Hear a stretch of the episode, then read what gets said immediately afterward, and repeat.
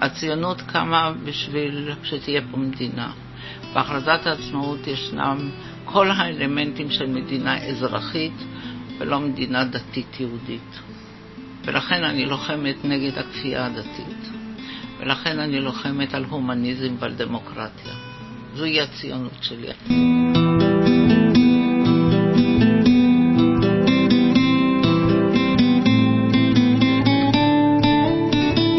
פגישה אישית עם עופר שמיר.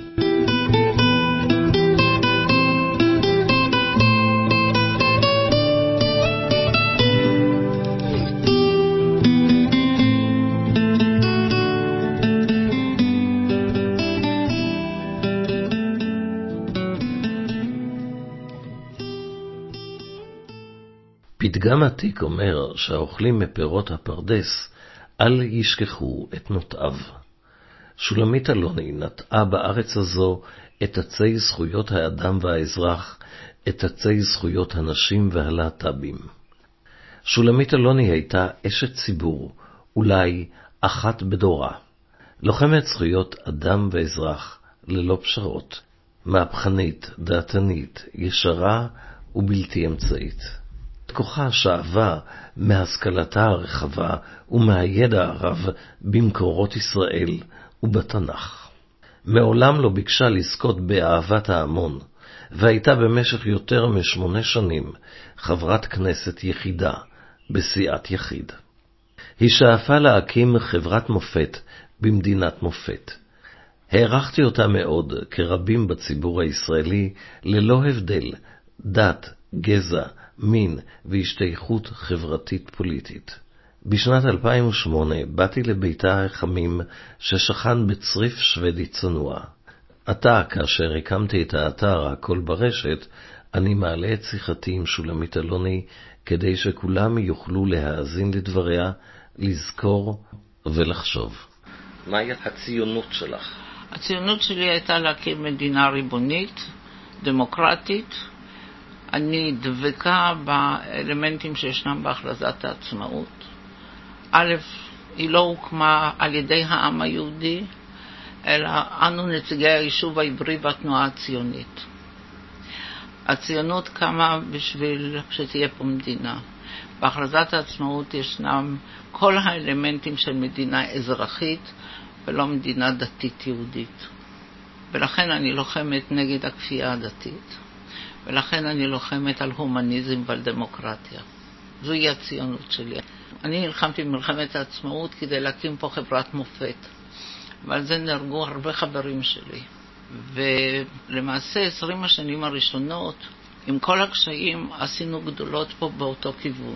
למעט הממשל הצבאי שהעריך אותו מעבר למידה, למעט ההחרמות של האדמות של הערבים, שאחר כך צריך היה להגיע איתם לעת הסדר, ושהיום אה, קרן הקיימת משתמשת בדבר הזה למעשה לבניית אפרטהייד. אז הציונות שלי היא נגד כיבוש, נגד אפרטהייד, נגד כפייה דתית ובעד מדינת מופת דמוקרטית. אני חשבתי שהציונות שלך מורכבת מתפיסת עולמו של אחד העם, וגם דרך אגב אני חושב שיש בזה הגבלה מסוימת. טוען שהיהדות איבדה את קניינה הרוחני. והשאלה, בעצם בהקמת החברת מופת, היא בעצם השווה של... תראה, אני מאוד אהבתי את המאמרים של אחד העם.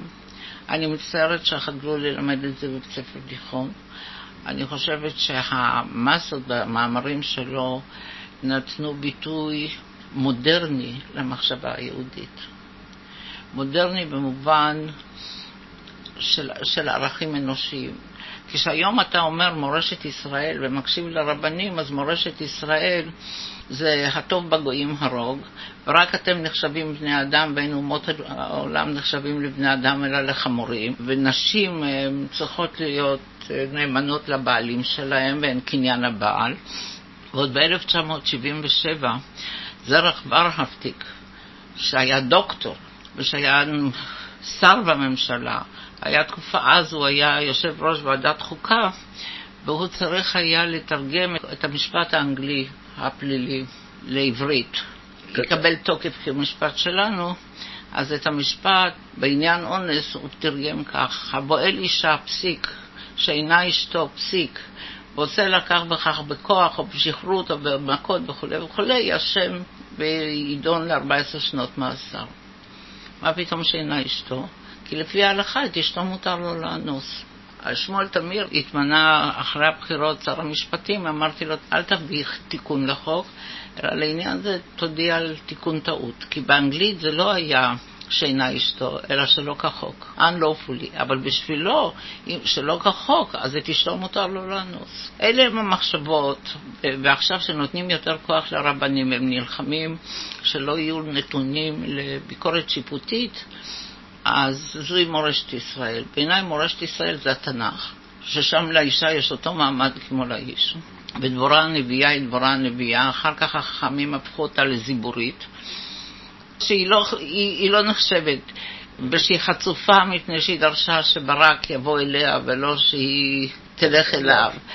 ואת כל הנביאות הם מבזים. והיה על זה סיפור אחר כך, כשגולדה ניסתה ראש ממשלה, והרי לפי ההלכה, שם תשים עליך מלך, מלך ולא מלכה, ולכן הם ביקרו אותה כשהיא עמדה בראש המחלקה המדינית, והם לא רצו לתת לה להיות ראש עיריית תל אביב, אז הם עשו את הקואליציה עם לבנון, וכשהיא נעשתה ראש ממשלה, והם נורא רצו להיכנס לממשלה.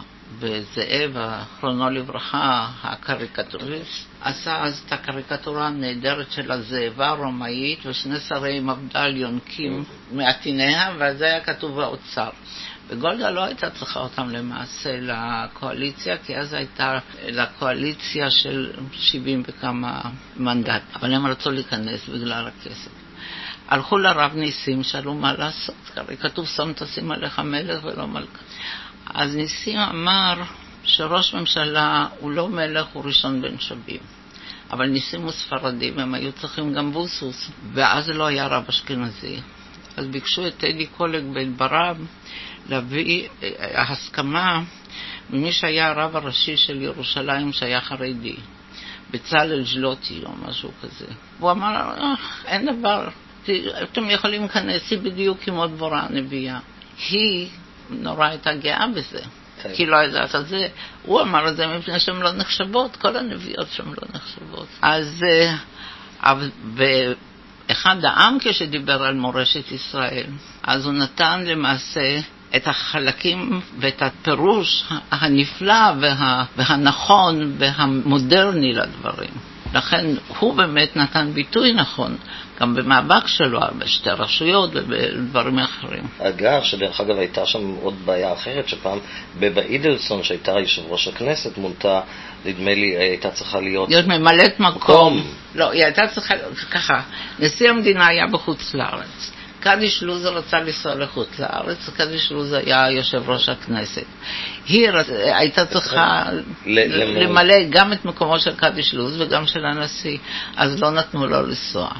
אבל בעניין הזה, כבר הדבר, זה מה שקרה הרי עכשיו עם אה, משמע יושבת ראש הכנסת. דליה איציק. דליה איציק. פה כבר הייתה התפתחות. כי זה מותר, כי יש להם בוז לכל הכנסת. אז אתה מבין, פה יש התפתחות מעניינת, שהם סגורים בתוכם, והכנסת זה שייך, יש בוז, יש זלזול, אז פה הם, לא, הם יכולים לוותר. אצל אה, אחד העם יש דבר אחד מאוד מרכזי שהוא מציין שהיהדות איבדה את קניינה הרוחני. אני אשאל אותך, איפה היהדות איבדה את קניינה הרוחני? אני נתתי לך עכשיו את הדוגמה. של, של, של הדת, שהדת שולטת. של הדת. אבל אנחנו מדברים זה, את קניינה הרוחני מבחינת אה, המוסר. תקשיב, אני נתתי לך את הדוגמה הזאת, אבל אני יכולה להרחיב לך אותה מבחינת מוסר. כן. תראה, החברה היהודית, היו בה כמה מסגרות. המסגרת האחת של הקהילה הדתית, שמראשית האמנציפציה קבע החתם סופר חדש אסור מהתורה. איזה חדש אסור מהתורה? במקור זה אסור להשתמש בקציר הראשון של העומר. אבל הוא עשה את זה ככלל שאסור לחדש שום דבר. כי זה היה סייג נגד האמנציפציה ומתן הזכויות ליהודים. נגד משה מנדלסון, נגד אה, המהפכה הצרפתית אחר כך וכולי. אז הקהילה הדתית התרכזה. כדי שתבין את המושג, למשל, כשאני עמדתי להיות שרת חינוך, הזמינו אותי מנחם פרוש, שחי עדיין הזקן, ואברהם שפירא, שאז קראו לו המנכ"ל של המדינה. הזמינו אותי לשיחה, לגלייזה לתה, כוס תה במלון, והם אומרים לי ככה, למה לך להיות שרת חינוך? אה, דיברנו עם רבין והצענו לו שאת תהיי שרת החוץ. אז אני שואלת אותם, ורבין הסכים, זה לא פלא, כי הוא לא כל כך אהב את שמעון פרס. אז אני שואלת אותם, למה אתם לא רוצים שאני אהיה שרת חינוך? אני היחידה בכל הקבוצה הזאת שיודעת על מה אתם מדברים, על מה אתם לוחמים. אני מבינה את הדברים שלכם. אז הם אומרים לי, כן, אבל את מסוכנת לנו כמו תנועת ההשכלה. הבנת? זאת אומרת, מה שקרה הוא, הם התחילו יותר ויותר להיסגר בהלכה. עכשיו, כשאתה שומע למשל את הרבנים מהשטחים שמוציאים פסקי הלכה, מה זה פסקי הלכה שהם מוציאים? זה דבר אלוהים? הם מוציאים את זה לצרכים של שמירה על העקרונות ועל האמונות שלהם. למשל, אני אתן לך דוגמה. הם אה, פה, הרבנים של השטחים. אימצו פסוק בפרק ז' בדברים, שבכלל היה מכוון לשיבת עממי כנען. אז הם לקחו את החצי השני, החרם תחרים אותם, לא תכרות להם ברית ולא תחנום, לא תיתנו להם לגור על ידכם. פירוש הדבר שיש לסלק את הערבים, פירוש הדבר שלא צריך להשכיר להם דירה, שלא לתת להם אדמה וכולי וכולי. אפילו הרב של צפת נתן הוראה לקהילה שלו. בשום אופן לא למכור בית לערבי, לא לתת לו שכירות דירה וכולי וכולי. לכן כשהוא אמר שאיבדה את הערכים, זה את הערכים המוסריים. מפני שמה שקבעו הרבנים ומה שהם קובעים, יש כלל שאומר שמה שיחדש תלמיד ותיק או תלמיד חכם, כאילו ניתן כבר בסיני. זה נותן להם את האפשרות לתת הלכות או פסקים מנוגדים או שונים ממה שישנו בתנ"ך. אתה מבין? ולכן הם כל הזמן מוציאים כל מיני הלכות לא מוסריות. ולכן הם הסתגרו, ולכן הם נתנו היתרים למה שהם רצו לתת, ולכן הם אסרו על מה שהם פחדו שיברח להם מתוך הקהילה. שעה שהוא טען שיש לקבל את ההשכלה. שיש לקדם, למשל, לשים את הדגש על הערכים המוסריים. תיקח את פרשת קדושים, פרק י"ט בספר ויקרא.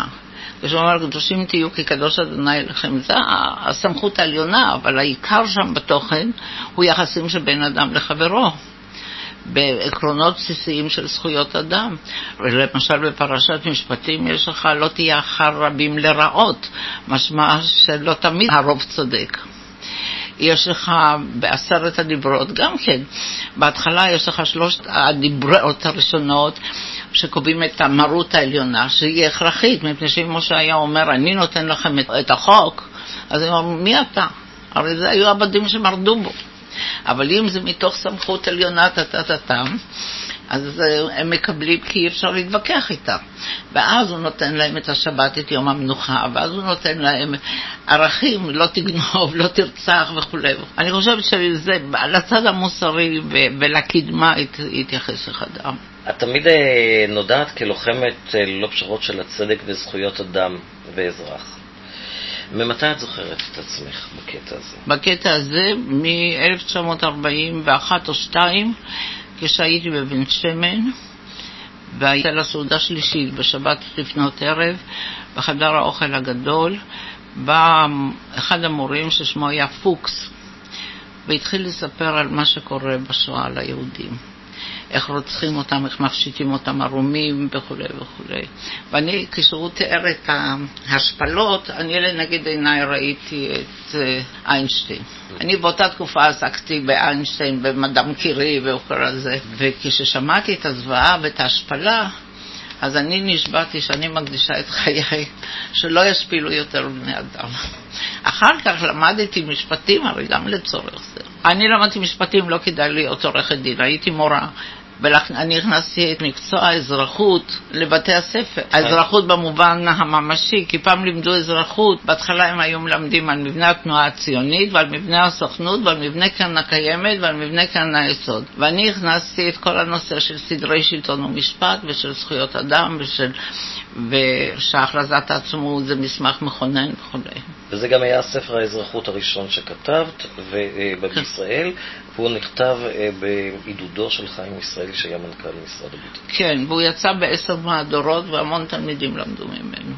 ב-85 יצאה המהדורה האחרונה ואני גם כן רציתי להשיג כמה ספרים ולא היו. אני אנסה להשיג. אני משום מה חשבתי שהמקרה שהיה לך פעם אה, בתור ילדה, אה, במאורעות 36, כשראי רוכל ערבי אה, עובר עם עגלתו. ו... כן, אז זה קומם אותי, אבל זה עדיין לא היה אידיאולוגי, זו הייתה תחושה אמוציונלית שזה השפלה. זאת אומרת, כל הנושא של השפלת אדם, אני לא יכולה לשאת.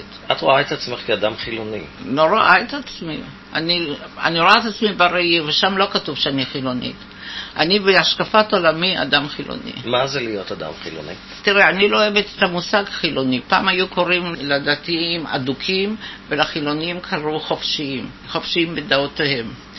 עכשיו, חילוני, אני בדרך כלל משתמשת במושג הומניסט מול האדם הדתי שהוא קשור למרות העליונה, כפי שזה נקרא, וסומך שיש לו השגחה עליונה.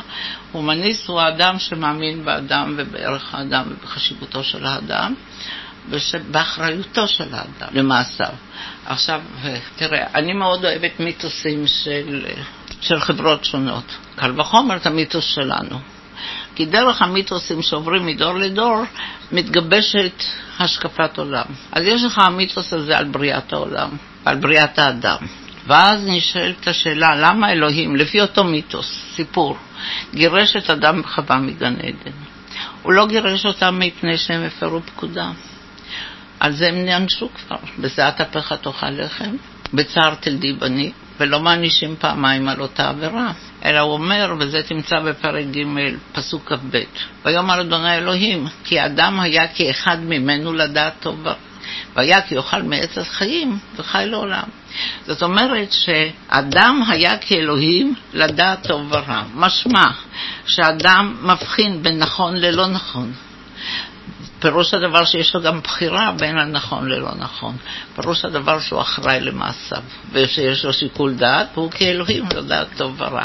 זה בא לך דרך המיתוס. אז אני יכולה להשתמש גם במיתוס לצורך התפיסה הזאת שאדם אחראי למעשיו, אחראי ליצירתו, אחראי לשגיאותיו. אם הייתה איזושהי דמות שהשרתה על עיצוב האישיות, על עיצוב ה... כשהייתי נערה, אז היו לי שתי דמויות. הייתה מרי קירי ו... רוזה לוקסמבורג. מרי קירי כיוצרת, כאישה בתנאים שבהם היא לחמה, היא לא רצו להכיר. טוב, אני אומר, מרי קירי, היא נולדה בפולין, אבל היא עבדה בפריז, והיא שהייתה מדענית בעלת חשיבות יוצאת מהכלל. הצרפתים לא אהבו כל כך להמליץ עליה לנובל, אבל היא פעמיים קיבלה פרס נובל. והיא מתה מהרדיום ומהעבודה שלה. והיא הייתה אישה מאוד אמיצה, ואמיצה באופן החיובי, דבקה במטרה. אותו דבר היה עם רוזה לוקסמבורג. היא הייתה יהודייה פולניה שלמעשה לחמה לעורר את התנועה הקומוניסטית-סוציאליסטית בגרמניה. אבל היא לא נכנעה לרעיונות של דנין. היה לה ויכוח. הם הקימו את תנועת ספרטקוס, אבל היה לה אומץ לב להגיד את דעתה. הרי שם כולם עמדו עם ה... העלאה מלשון אל של המנהיג הגדול. והיא לא, היא ידעה להתווכח והיא ידעה לענות, ואני וכחנית. זה אנחנו יודעים. כן. אז זה שתיים אלה. אחר כך אני מאוד הושפעתי ממורי אה, יזהר סמילנסקי. יזהר היה מורה שלי בכיתה ח', ט' וי', ואני כבר בסוף י' החלטתי שאני הולכת להיות מורה, כי אבא שלי מהצבא הבריטי, הוא היה אז בחוץ לארץ. שלח לי מכתב ואמר, תראי, יש המון ילדים פליטים וצריך שיהיו מורים טובים. אז ואני אז הלכתי לבית הכרם לגמור את התיכון שביעית שמינית בסמינר על שם דוד ילין. אבל הוא כמורה מאוד מאוד השפיע עליי. כמורה, כסופר, כאדם, כדרך העבודה שלו, ובאמת ביקרתי אותו פעם אחרונה כשלושה שבועות לפני מותו. הכושר שלו, האומץ שלו, הדמיון שלו, היחס שלו לספרות, להיסטוריה, היחס שלו לאדם. אז הנה יש לך שלושה, לא צריך יותר. למרות שאני בדרך כלל אהבתי את בית הספר, אף פעם לא היו לי מחברות מסודרות, אבל אהבתי ללמוד, והיה לי זיכרון טוב, אומרים שעד היום, והייתי תמיד ביחסים טובים עם המורים שלי. וכשהגעת לעבוד בעיריית תל אביב, אפילו שאלו אותך אה, יום אחד אה, למה החלפת כל כך הרבה בתי ספר. אה, כן, אמרתי שההורים שלי אחראים לכך. אוקיי, שאלו אם היית ילדה מופרעת, ואמרת שלא את. ושלא אני אלה ההורים שלי, זה נכון. את יודעת, במשך כל פעילותך הציבורית, בסך הכל הצלחת להעביר אה, ולפעול הרבה מאוד לחברה הישראלית ולשנות את תפיסת העולם שלה. בסך הכל, אם אני חושב, אבל קודם כל הצלחת לשנות בכלל את תפיסת מעמד האישה בישראל. זה דבר... הייתי חלוצה בנושא הזה. אחת החלוצות. כי נשים כמו רחל כגן, שעמדה בראש ויצו, היא הייתה מהחלוצות. והיא העריכה אותי, אני לא אמרתי העריכה, היא תפסה אותי, אמרה, את מתאימה להמשיך ולעשות את זה. זה מצד אחד. מצד שני, אירמה פולק, שהיא ניסתה להקים פה דאגה לצרכן, ולי הייתה תוכנית רדיו מחוץ לשעות הקבלה, אז היא הכניסה לי לראש גם את הנושא הזה. אני אחר כך הקמתי את המועצה לצרכנות ב-1966. אנשים אוהבים לחשוב תמיד שהם המציאו את הגלגל. אני לא המצאתי את הגלגל. אני קיבלתי איזשהו דחף מאנשים שאני ערכתי אותם, ואני המשכתי עם האנרגיות שלי. אחר כך היה גם חוק הגנת הפרטיות, זה גם... אה, אני פה עשיתי עבודה רבה, גם נגד האזנת סתר. החוקים לא יצאו בדיוק כמו שאני רציתי. ועכשיו רוצים לשנות את העניין. כן, עכשיו יש, אנחנו בכלל עוברים, אנחנו חדלים להיות חברה דמוקרטית. אנחנו היום מצד אחד חברה אתנוקרטית ומצד שני חברה שנתונה, אני לא רוצה להגזים, אבל השב"כ והצבא מחליטים לאין ארוך יותר מאשר האזרחים. יצא עכשיו הסרט הזה של מיליון אה, כדורים באוקטובר, ראית את זה? לא. ושם אנחנו רואים מה שאני ידעתי, איך הצבא מתעלם ממה שהממשלה קובעת, איך השב"כ, אנחנו מדינה שאין בה עונש מוות, אנחנו רוצחים בלי סוף, בלי משפט. ואנחנו כל הזמן צדקנים, והעולם עובדים על רגשי אשם של העולם הנוצרי ומזכירים להם את האנטישמיות ואת השואה, והם מפחדים בכלל לבקר אותנו. אז אנחנו עושים דברים שהדת איננה סובלת. הדוגמה הבולטת ביותר זו הייתה מלחמת לבנון. השנייה, השנייה. גם הראשונה. הראשונה אמרו הרי שזה 40 קילומטר, והראשונה תכננו אותה לפני שפגעו בשגריר. זה היה רק ו' שתלו עליו את הסיבה. המטלה, המטלה, כן. כן. הדבר הוא הרבה יותר חמור, שישבה לך ממשלה, שבוועדת השרים לענייני ביטחון יושבים לך שישה גנרלים, אקס גנרלים, שניים מאנשי שב"כ לשעבר, והופיע חלוץ, יהיר, מתנשא, שהכל רואים בו גאון הדור עם המטה שלו, ועכשיו כולם מאשימים את אולמרט. תתאר לך שאולמרט היה אומר שלא, מה היו אומרים לו? דרך אגב, גם כשאמרו שרים אחרים לא, אז מופז צפצף עליהם. שם היה עוד משהו, שמעון פרס למשל, ועדת וינוגרד אמר שהוא היה נגד, אבל מתוך סולידריות לראש הממשלה הוא הצביע בעד. ואני לא מאמינה שזה סולידריות לראש הממשלה. זה מפני שהוא קיבל את הדעות של הצבא, מפני שהוא לא רצה להתעמת עם הצבא. איש מהם לא התעמת עם הצבא. אה, דן חלוץ הייתה לו בעיה נוספת. אדם, אדם שמרגיש, מטיל פצצה של עיתון על... אה, אני זוכרת את זה, נו, זה ההיבריס. רק אדם שיש לו יהירות בלתי מוגבלת יכול להגיד שלזרוק פצצה של טון באזור מאוכלס, הוא מרגיש רק את התנועה במטוס, תנועת אוויר במטוס. וזה יהירות, ודרך אגב, בכל כל האלים של כל העמים, הדבר שהיה הכי שנוא עליהם זה ההיבריס, אותה יהירות. כתכונה הגרועה ביותר באדם. אולי מפני שהם פחדו מאדם שיש בו היבריס, אבל זה, זה בדיוק חלוץ. והוא יסתדר טוב, והוא מהר יסתלק לפני שיאשימו אותו, ומשרד הביטחון דאג לו כבר למשרות טובות, והכל בסדר. והחשבון שלו בבנק כנראה גדל. אחרי המלחמה. כן. אה, אחר כך היה נושא של חוק הגנת הפרטיות, היום רוצים אה, לאפשר למשטרה פשוט... אה, ל... עכשיו זה דבר נורא, האח הגדול. הם יכולים לשמוע, גם כל שיחה הם יכולים לשמוע.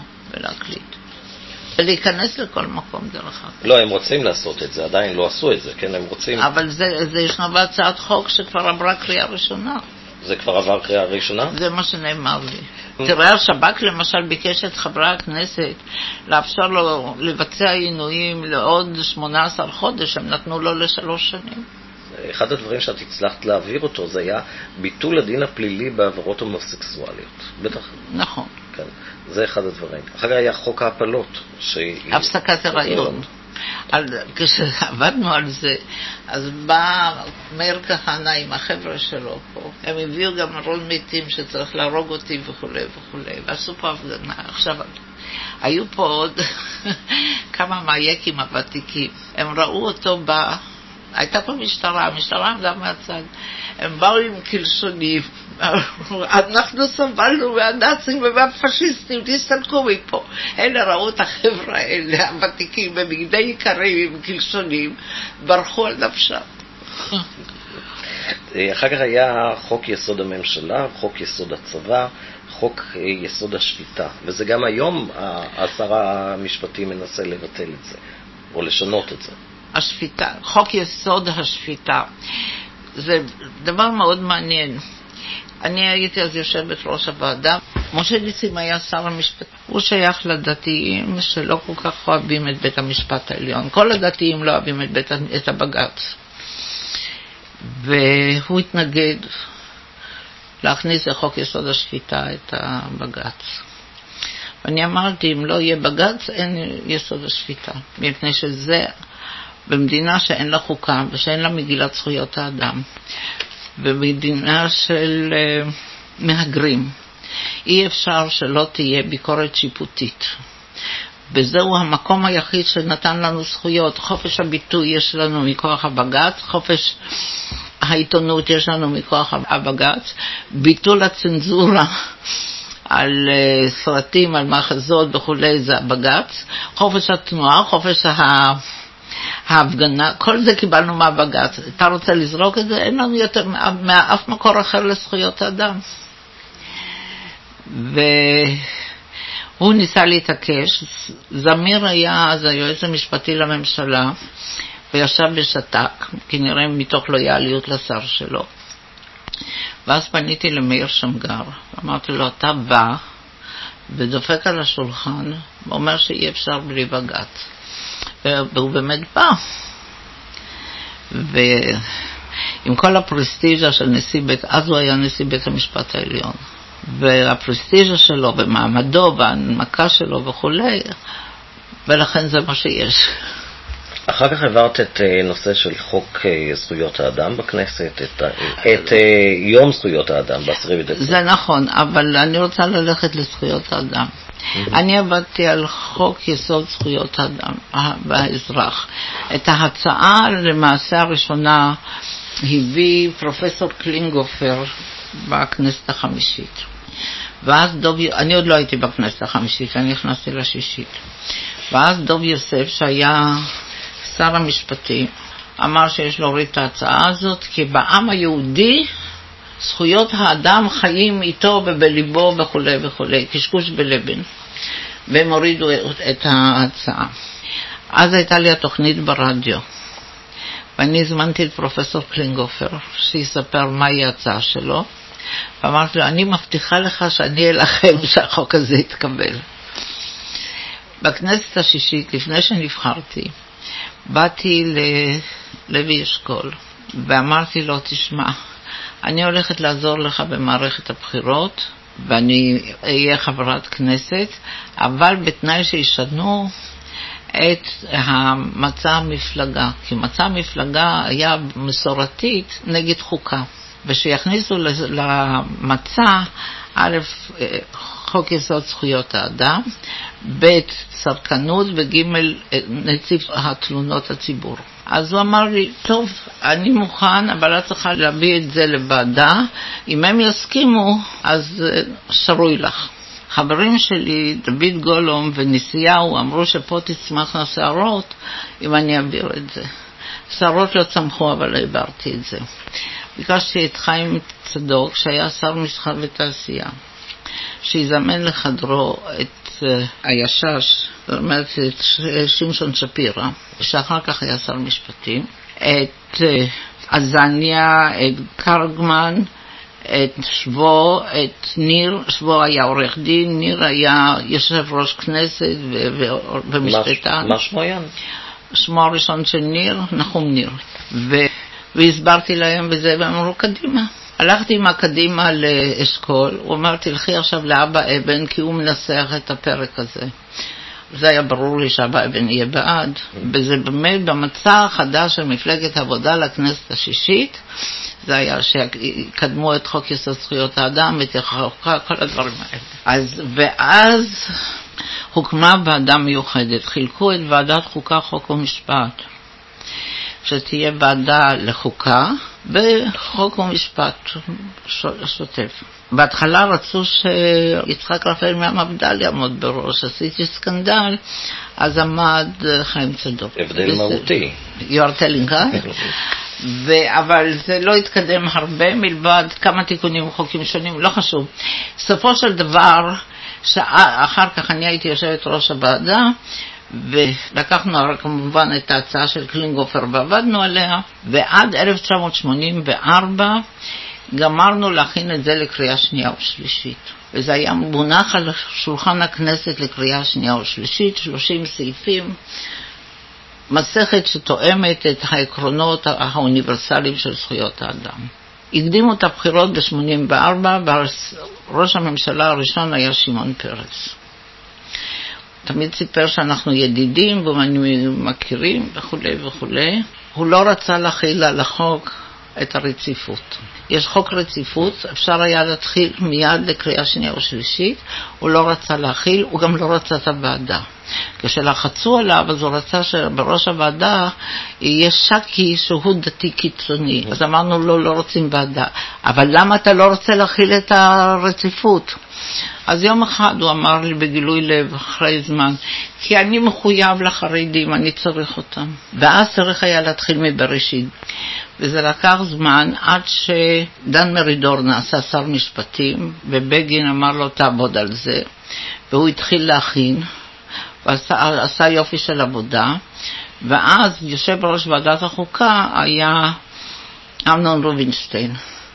ואצה לו הדרך, והוא פירק את חוק יסוד זכויות האדם, ועשה הסכם עם יצחק לוי, שהוא דתי, קנאי, ימין, וההסכם הוא שהם הביאו לנו את היהודית והדמוקרטית, וזרקו החוצה בכלל את סעיף השוויון. הנימוק הפורמלי היה כדי שנשים לא תדרושנה שוויון בתי דין רבניים, והפחות פורמלי מותר להפלות כמובן את הערבים. אה, אני, אני לא הייתי אז, כי אני הייתי חולה בבית חולים כשעבדו על זה, וכשאני גיליתי את זה, אז עשיתי סקנדל גדול. בסופו שיש עכשיו בחוק הזה סעיף 1 ו-1א. מה שהוא כתב זה 1א, מה שאני הכנסתי זה את הסעיף שמדינת ישראל תהיה מושתתה על יסודות אלה ואלה ואלה, כאמור בהכרזה על הקמת המדינה. אבל הם כולם מתעלמים מזה, כי בהכרזה על הקמת המדינה כתוב שוויון זכויות גמור לכל אזרחיה ללא הבדל מוצא, גזע, דת ומין. אז הם מתעלמים מזה, וכולם מדברים על יהודית ולא כל אזרחיה. לא יכולה להיות מדינה שאיננה מדינת כל אזרחיה וגם דמוקרטית. זה תרתי דסתרי. אז יש פה מאבק גדול ועוד צריך יהיה להמשיך בו. את חושבת שהיא צריכה להיות מדינה יהודית דמוקרטית או לא? אני חושבת שהיא צריכה להיות דמוקרטית, ואני חושבת שישראל, היא צריכה להיות ישראל ולא יהודית. כי ישראל הוא אבי האומה. כי ביום העצמאות אתה, יש לך 12 משואות. כי בכל ספרי התפילה, ותיקח את הסידור של ראש השנה ושל יום כיפור, אין יהודי. יש בשבתא את שפות עמך ישראל. יש עם ישראל, יש ארץ ישראל, יש בת ישראל, יש תורת ישראל, יש בן ישראל. כשאתה אומר יהודית, זה הולך עם הדת. ומדינת ישראל קמה כדי להיות מדינה אזרחית שיש בה חופש דת. ובקווי היסוד של הממשלה הראשונה, שישבו בה כל ארבע מפלגות דתיות, נאמר שמדינת ישראל תבטיח את שירותי הדת הציבוריים לזקוקים לכך, אבל תמנע עצמה מענייני דת. וזה קווי יסוד של הממשלה הראשונה שנבחרה לצורך אספה מכוננת. אז מתעלמים מזה. כי הם כל הזמן עוסקים בפוליטיקה קטנה. מבין כל הדברים שאת יצרת ועשית שינויים, בסך הכל שינויים מחשבתיים בתרבות הישראלית. טוב, היום מדברים על זכויות האדם. כשאני התחלתי עם זה, אז גולדה מאיר אמרה לי שזה אגואיזם בורגני ליברלי. מה לדעתך הדבר שאת הצלחת בו הכי הרבה? אני לא יודעת. אני הצלחתי בכך שהמושג והנושא של זכויות האדם הפך לחלק ציבורי, זה בשיח הציבורי. עד שאני לא הכנסתי את הנושא הזה, הוא לא היה בשיח הציבורי. רק ב-1981, פעם ראשונה, נתנו לי בכלל ביום זכויות האדם לנאום ולפתוח. ב-1981. כן. כשהיית חברת כנסת יחידה, נדמה לי, אותו, אותו זמן. לא, ואז הצטרפו אליי אחרים. אני הייתי הפותחת, קיבלתי את המחמאות מיושב ראש הכנסת. יושב ראש הכנסת אז היה אדם ליברל, סבידור. אז הוא נתן לי וגם בירך אותי על המאבקים שלי וכולי וכולי. ישנו הכל בדברי הכנסת. אבל הצטרפו לזה גם יאיר צבן ואחרים. דיברנו קודם על נושא של חוקה. אה, ככה הזכרת אותה בחצי... היום שלא יעשו את זה. הם עובדים עכשיו על החוקה, הם עובדים על קטסטרופה. כי הם לא רוצים שוויון. יושב שם הימין הדתי. למה הרב, הרב, הרב הזה, הסטנדאפיסט, נו, יוסף, אה, עובדיה יוסף, כן. למה הוא אמר להם שהם ייכנסו לוועדה, שיגידו שהם בעד חוקה? כדי לטרפד את יסוד השוויון. והם עכשיו יושבים ודנים איך הם אומנם יגידו שיש שוויון, אבל יגבילו אותו, כמו שיגבילו גם את, הח... אה, את כל התפיסה הדמוקרטית. לכן אמרתי שאנחנו היום לא דמוקרטיה, אלא אתנוקרטיה. את, שזוהי דמוקרטיה של קבוצה אתנית אחת. עם החוקים שלה, היא גם לא דמוקרטית. היא, פשוט זו מדינה מנוהלת על ידי, שיש פה יהודים ואזרחים אחרים. זאת אומרת שזו מדינה יהודית ולא של כל אזרחיה. ויהודית במובן הדתי הקלאסי. הדתי הקלאסי פירוש הדבר השיתוף של הזיכרון הלאומי יחד עם השמירה הדתית. ועכשיו הם עובדים על כך, אפילו המכון לדמוקרטיה, בהצעה שלו לחוקה, יש לו שם סעיפים, נדמה לי 63, 64 וכולי, שלרבנות תהיה סמכות מוחלטת ולא נתונה לביקורת שיפוטית. וזה עכשיו, רק בשבוע שעבר, הגישו שבע קבוצות, שבעה תיקונים להרחיב את הסמכויות של בתי הדין הרבניים. אז זה אני אומרת אתנוקרטיה. עוד מעט זאת תהיה לא אתנוקרטיה, אלא מדינה קלריקלית. בוא ננסה לראות שלא תהיה. אני עדיין חושב שהציבור החילוני הוא רב, אבל, אבל לא בטוח. אבל אז תראה, הם עשו פה בלוף. הם עשו משאל ופרסמו ש-80% אומרים שהם דתיים ומסורתיים ויש רק 20% חילוניים. עכשיו, לפי ההגדרה שלהם, גם אני אדם דתי. מפני שכל האנשים כמוני גם עושים סדר, לא כהלכתו, אבל עושים סדר. אנשים כמוני גם מדליקים נרות בחנוכה לילדים, נכון? ואנחנו מקבלים את התרבות היהודית. ומה שאצלנו תרבות, אז הם הכניסו את זה ש-80% הם דתיים ומסורתיים, ולכן מותר לתת לרבנים את כל הזכויות. אה, בתקופתך היה שיח ציבורי בכנסת. היו אנשים אה, שהם בעצם היו אנשים אה, אינטלקטואליים. את גם מזכירה אותם בצורה זו או אחרת בשיחה שלנו. היה דן מרידור, היה בני בגין. היה דן מרידור ובני בגין, ואני רוצה להגיד לך שגם... הזכרת את סבידור. לא, אבל מהקבוצה הזאת, עוזי לנדאו למשל. עוזי לנדאו, אני מאוד מתנגדת לכל השקפת עולמו, אבל אני לא יכולה שלא להעריך אותו, מפני שיש לו אינטגריטי, שיש לו יושר, מפני שהוא לוחם על דבריו ועל עמדתו, ואיננו איננו עושה חפיף ואיננו בז לאחרים. זאת אומרת, אני יכולה לשוחח איתו, להתווכח איתו ולהגיד, בוא נאמר שאנחנו מסכימים שאנחנו לא מסכימים. לכן יש דמוקרטיה, ויש כמה מפלגות. אם כולם מסכימים, אז לא צריך דמוקרטיה, לא צריך הרבה מפלגות. אצל עוזי לנדאו היה בחור נאור מאוד. בדן מרידור אני מצטערת שהוא לא בממשלה. הוא היה יכול להיות שר משפטים מצוין. הוא משכמו ומעלה בכל נושא. ואותו דבר בני בגין קיפל את עצמו ועזב את זה.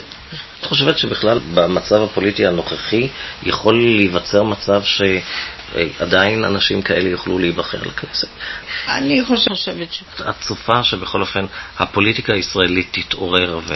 אני חושבת, תראה, אני חושבת שהיום יש הרגשה של ייאוש ושל איזה מין רתיעה, כמעט גועל נפש למה שקורה בכנסת. אבל יש לנו חברה אזרחית. למ... אני ראיתי שבמלחמה הזאת, האחרונה, מלחמת לבנון השנייה, מה, שהממשלה הפקירה היו גילויים יוצאים מהכלל בחברה האזרחית, של עזרה, של פעילות, של התנדבות. ואני מניחה ש... שתהיה איזו התעוררות, על כל פנים אני מקווה.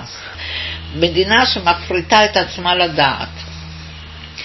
אתה צריך לקחת בחשבון, מדינה שרוצה להפריט את בתי הספר, להפריד את בתי הסוהר, להפריד את המעונות של הזקנים, שכבר מכרה את הרכוש של המדינה, את המלח ואדמות וכולי. עכשיו, אנחנו מדינה שרוב הציבור זה דור ראשון ודור שני של מהגרים, כי אלה שהיו פה ערב מלחמת העצמאות, אז ככה, היו פה 600 אלף. 6,000 הצעירים נהרגו. הזקנים גם כבר מתו. מה נשארו מהתקופה ההיא? כמה תרחים זקנים כמוני. יוצא שרוב הציבור זה מהגרים שהגיעו, דור ראשון ודור שני. הגיעו ללא שפה, הגיעו ללא רכוש. רבים מאוד ללא מקצוע, ורבים מאוד שהיו בעלי מקצוע ולא חיכו להם מקומות עבודה. עכשיו, בחברה כזאת, לקחת ולמכור את רכוש המדינה, לקחת ולהשתחרר מנושאים של אחריות של המדינה, להפוך מדינת רווחה למדינה קפיטליסטית דרוויניסטית, זה דבר, זה אסון. ולכן אני שמחה על ההפגנה שהייתה בהשביתה של המורים. אני חושבת שהיא עוררה משהו בציבור. לא ביקרו את המורים, ביקרו את הממשלה. וזה סימן של איזושהי התעוררות גם כן. ואני חושבת שעכשיו אם יש לך באוניברסיטאות, תשמע, מכרו, מכרו הרבה, אבל אני חושבת שהציבור לא ירשה את העניין הזה לפזר את, את המעונות ואת ה, היחס לזקנים, והנה יש לך התעוררות ביחס לניצולי שואה. זאת אומרת, יש איזו התעוררות אזרחית. אנחנו רק לא רואים את הכוכבים. עכשיו, זה מזכיר לי קטע שכתב עגנון בשירה, בספר, יש לו שם קטע כזה. למה הטיפשים והרעים מנהלים את העולם ולא החכמים? כי החכמים חושבים שהם לא מספיק חכמים, אז הם הולכים ללמוד. אז מי לוקח את המנהל את העולם? הטיפשים והרעים. כשיש עוד פעם בחירות, החכמים חושבים שקרו דברים חדשים שהם צריכים ללמוד. אז הם שוב הולכים ללמוד, ושוב הרעים, הטיפשים, מנהלים את העולם. וזה, אני מספרת את זה כך, אבל זה קטע מקסים מבחינת הביקורת. וכשאתה מסתכל מסביב, אתה מגיע למסקנה שהוא צדק. את יודעת, אני חושב שאחד הדברים המאוד מרכזיים, שהוא בעצם נגזרת של התפיסה שלך של צדק חברתי, זה גם הצדק והשלום. זה, אלה דברים שהם... זה מוכרח ללכת יחד. נכון. זה, איפה את רואה את השבר בהתנהגות החיילית של חיילי צה"ל? מתי זה קרה, אם זה קרה? זה קרה כל הזמן, מראש, גם במלחמת העצמאות וגם לפני זה. רפול... אה, לקח הרב והטביע אותו בתוך ביצה, ואחר הכניסו לו את הראש לתוך כברת. והיו כל מיני גילויים. אבל זה נעשה נורא עם האינתיפאדה הראשונה ועם האינתיפאדה השנייה עוד יותר גרוע. אבל באינתיפאדה הראשונה עכשיו יש עדויות שהחיילים מספרים. אז למה לי לספר מה שאני שמעתי? עכשיו עשו תחקיר בעיתון, כתב העת 2000 האחרון, שיצא בהוצאת עם עובד, עשו עדויות. אז מספרים שהיחידה שנשלחה לרצועת עזה, הגיע המפקד, התחיל להריץ אותם, ובדרך הם ראו מצד ימין של הכביש ילד בן ארבע משחק בחול. הוא לקח את הילד, שבר לו יד, שבר לו רגל, זרק אותו על הרצפה, דרך עליו, ואמר, כך צריך לעשות לאויב. אז ברגע שזה נעשה, הם היו בשוק, למחרת כולם עשו אותו דבר. ואז הם מספרים איך הם התעללו באוכלוסייה, איך העירו אותם באמצע הלילה ואמרו להם לשכב על הכביש ולעשות אה, תרגילי... יש כיבת שמיכה. שמיכה. ואיך נכנסו לבתים, ואיך התעללו, ואיך גנבו, ואיך הפכו, ואיך איך נכנסו לבתים ולקחו קמח וזרקו למכונת הכביסה, איך הכריחו בן להרביץ לאביו, איך הושיבו אנשים על הברכיים והכריחו אותם לשתות שתן. הרבה דברים יפים, ועם המכות, עם המבוטים, לא להרוג אלא לשבור. אני הייתי ברמאללה. בכיכר המרכזית שם היה, אני לא יודעת אם עדיין יש, קיר שקראו לו קיר המוות. היו תופסים את, את הערבים, פלסטינאים, שמים אותם מאחורי הקיר, פנים, הראש אל הקיר, ותוקעים להם מכות. אתה ראית זרימה של דם שם מסביב. אני הלכתי, ראיתי את זה במו עיניי. למה צריך היה את זה? ושברו חלונות של זה חלונות ראווה, וזרקו גז מדביע לכיתה, לקומה שנייה לילדים מכיתה ב' או ג', שהם קפצו למטה וחלק מהם נפצעו וחלק נהרגו. ככה שיש הרבה סיפורים. נשמע, א', אני לא מודע לזה, אבל אה, זה נשמע מבהיל ביותר. זה, זה עוד אפס קצהו, יש הרבה יותר גרוע. אני דווקא חשבתי משום מה שתספרי לי דווקא על כפר קאסם, שזה הייתה בעצם השבירה הראשונה. כפר קאסם היה דבר מאוד מעניין. אני אז הייתי, למעשה עשיתי את הסטאז' שלי במשרד הביטחון. וזה נודע לי עוד לפני שזה פורסם, כי אז החליטו לשמור את זה בסוד. עכשיו, כדי להסביר לך מה שקרה שם, אני רוצה לתת לך איזשהו מונח. יש מונח של מה שנקרא מנטליטה של קבוצה. קיסר לא צריך היה להסביר לחיילים שלו לעבור את הרוביקון. כשהוא אמר קדימה הם הבינו מה הוא רוצה. כשרבין ופרס רצו שרץ תסכים לכך שיכניסו לחוקי היסוד את כל החוקים הדתיים, אז אמרתי לרבין, זה לא יקום ולא יהיה. אז הוא אמר, אבל זה הבטיח לי, זה הבטיח לי. היה כנס, שאלתי אותם, הנה זו ההצעה שהם מציעים כדי שש"ס תחזור לממשלה. לא נמצא אחד שנמנע ולא נמצא אחד שתמך. כולם היו נגד. אני הסברתי את זה לרבין. יש דברים שיש מנטליטה של קבוצה, שאתה לא יכול לשנות את דעתה. עכשיו, המנטליטה במלחמה הזאת היה, כבר ממלחמת השחרור, שמותר לדפוק את הערבים. עכשיו, אילו היה שם רק אחד בתוך הקבוצה הזאת, כשהוא אמר אללה ירחמו, אם היה שם רק אחד שאומר, חבר'ה, מה אנחנו עושים? אנחנו רוצחים נשים וילדים. הם לא היו עושים את זה. אבל ברגע שאמרו להם, אז הם כמו רובוטים, עשו מה שאמרו להם, שזה רצח נורא. למה? כי זה היה המנטליטה, שמותר להרוג אותם, שמותר לגרש אותם, כי גירשו אותם. במלחמת העצמאות היה גירוש נורא, היו, הרגו, אז נתן אלתרמן כתב את השיר המפורסם על זאת, נגד הבחור שיורה על הזקן שם בלוד וכולי. ואנחנו עד היום מבחינים באופן ברור בין יהודי לערבי. איך אומרים? איך יהודי הורג ערבי? כל יום אנחנו רוצחים ערבים, ילדים, נשים. רואים מרחוק אישה יושבת עם ילדים וירו עליהם.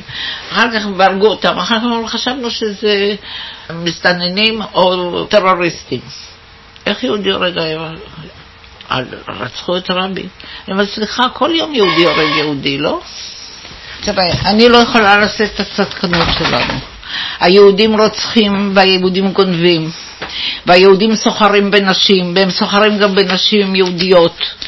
ואנחנו, יש לנו קבוצות מושחתות, והיה גם קודם, והיהודים בפוילין סחרו ומכרו נשים, בחורות צדקניות, שאמרו להם שיש להם עבודה בארגנטינה ומכרו אותם לזנות.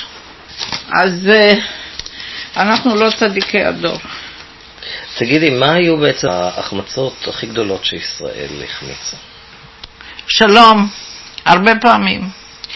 ממלחמת ששת הימים, דרך ממשלת רבין הראשונה, שאני ישבתי בה, ושהייתה הצעה של חוסיין באמצעות קיסינג'ר, שהוא מוכן ללכת לרבאט ולהצהיר שהוא יהיה אחראי לפלסטינאים. הם היו אז אזרחי ירדן עוד. בתנאי שאנחנו, א', נותנים לו את, תחילה את הפתח של יריחו, ומתחייבים משא ומתן להעברת השטחים. אז אנחנו לא רצינו. ישבו שם גלילי, ישבו שם יגאל אלון. אל תשכח שארץ ישראל השלמה הייתה המצאה של אה, טבנקין, אחדות העבודה. אז זו הייתה הזדמנות אחת. ההזדמנות הראשונה הייתה מיד להחזיר את השטחים, כמו שבן גוריון אמר. ואחרי זה הייתה עוד הזדמנות, והייתה הזדמנות גם בקמפ דיוויד, עם ברק. אבל ברק אה, רצה להכתיב, הוא אמר take it or leave it. ואחר כך הוא נהיה ברוגס, וכשהתקדמו במשא ומתן, אבל זה היה בלעדיו, אז הוא עשה את הספין המפורסם שלו שאין עם מי לדבר. והתחילו להאשים את ערפאת באינתיפאדה השנייה, שעה שהמודיעין, זה ישנו עכשיו גם בסרט העדויות, אבל גם יורם פרי קיבל את העדויות האלה.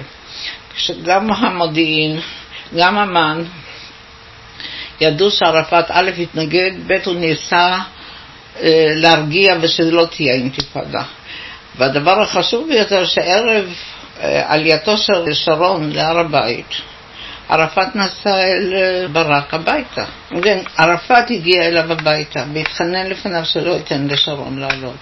אז החכם אמר לו, זו מדינה חופשית, לך ולי לא היו נותנים לעלות עם צבא ועם אנשים חמושים. למה הוא עשה את זה, ברק? הוא עשה את זה מפני שלא היה לו רוב בכנסת. והוא חשב על איזושהי קומבינה שבמצב הרע, במצוקה שלו, או ששרון יהיה שר ביטחון אצלו, או שהוא יהיה שר ביטחון אצל שרון, ושהם יעשו ברית. ולכן הוא נתן לו לעלות. ואחרי זה פרצה אינתיפאדה, והוא אחראי לאינתיפאדה השנייה. ובקמפ דיוויד הוא רצה שיקבלו את מה שהוא אמר. אמרו לו, תראה, יש פה ועדות, הוא הרי לא, לא שיתף את הוועדה שלנו בחומר שהיה לו. הוא לא עשה איתם אף מפגש מוקדם. כשהוא ראה שבכל זאת, כשישבו בתו המתקדמים ויכולים להגיע להסכם, אז הוא יצא עם הספין הזה ועשה דבר שאף ראש ממשלה לא עשה, ולדעתי אין לו סמכות לעשות. הוא ביטל את כל החלטות הממשלה הקודמות והסכמי הממשלה הקודמות. הוא עשה את זה בציווי של הוד מעלתו הדיקטטור. כי לבטל החלטות ממשלה יכולה רק החלטת ממשלה. הוא לא אסף את הממשלה, הנפוליאון הזה. ועכשיו הוא עוד פעם רוצה להיבחר. ויש אנשים שתומכים בו, ולדעתי הוא האיש הכי מסוכן במדינה. לפי עגנון יש לכל אדם קצובת מילים, לפי תהילה של עגנון. אוקיי. אז בואו נסיים. נסיים את זה. את, אה, רציתי לפתוח את הרעיון בפרק המשמעותי ביותר בתנ"ך מבחינתך, ואני חושב שאני יודע מהו, את הזכרת אותו. הדבר הכי משמעותי בשבילי, אמרתי לך שמכל הנביאים אני אוהבת את ירמיהו. וכשירמיהו התקדש לנבואה, הוא קיבל ציווי, עצה נורא חכמה. אל תחת מפניהם פן אחיתך מפניהם. זאת אומרת, כשאתה יוצא למאבק, אל תפחד מה, מהאנשים האלה. בגלל שאם תגלה רק סימן של פחד, הם ינצחו אותך. זה נכון ביחסים עם מאפיה, זה נכון ביחסים עם גנבים ועם רמאים, זה נכון בייחוד במלחמה פוליטית. וזה, וזה משפט מפתח אצלי, אל תחת מפניהם פן אחיתך מפניהם. מעבר לזה, יש שם כל כך הרבה דברים נפלאים שאני אוהבת. אני אוהבת את ספר איוב, ואת ספר קהלת, ואת ירמיהו ואת עמוס. אני נהנית הנאה מרובה מסיפורי בראשית, בייחוד מסיפורי הבריאה וכל האגדות שמסביב. אה, על אברהם אבינו, אז אה, הוא נבחר, כתוב שם? כדי ללמד את בני ביתו ובניו אחריו לעשות צדקה ומשפט. אבל הוא פישל בעניין של העקידה. הוא יכול היה להתווכח עם אלוהים על העניין של אה, סדום ועמורה, אם ישנם חמישים איש, אם ישנם ארבעים איש, התספה צדיקים, שופט כל הארץ לא יעשה משפט, התספה צדיקים רשע, היינו נגד ענישה קולקטיבית. וכשאומר לו אלוהים, קח את בנך, את יחידך אשר אהבת, אז הוא עושה מה שכולם עשו באותה תקופה, הקריבו לילים את בניהם הבכורים. ומה עשה יפתח הגלעדי? ומה עשה משאב מלך מואב שהקריב את בנו על החומה ונגמרה המלחמה? ומה עשו אלה שבגיא בן הינום שהקריבו את הבנים למולך? הוא צריך היה להגיד, האל שבחר בי ושאני בחרתי בו לא רוצה קורבן אדם. והתוצאה הייתה שבא המלאך, ומהרגע שהוא הרים את המאכלת, אלוהים כבר לא דיבר איתו ישירות, רק על ידי שליח. ואחר כך הוא כבר לא נחשב. אבל בנו על זה כל מיני תיאוריות. עכשיו, הזכרת את ברק, את אה, אהוד ברק. אהוד ברק. ואם היית צריכה היום לבחור בין השלישייה, השלישייה הפוליטית הקיימת, מי זה? אה, אולמרט, אה, ברק ונתניהו, מי היית... אני בדרך... לא בוחרת באף אחד מהם, אבל הטוב שבגרועים הוא אולמרט, מפני ש... הוא לא, הוא לא הזיק, והוא לא יכול להזיק כמו שברק הזיק ויכול להזיק.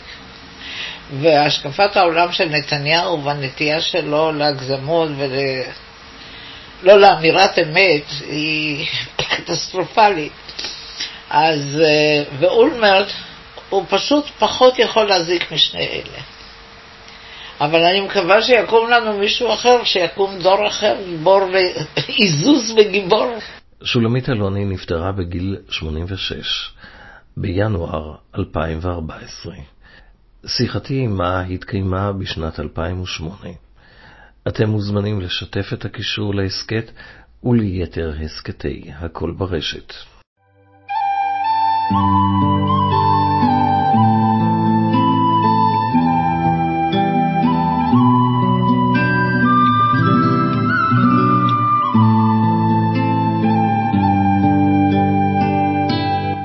פגישה אישית עם עופר שמיר.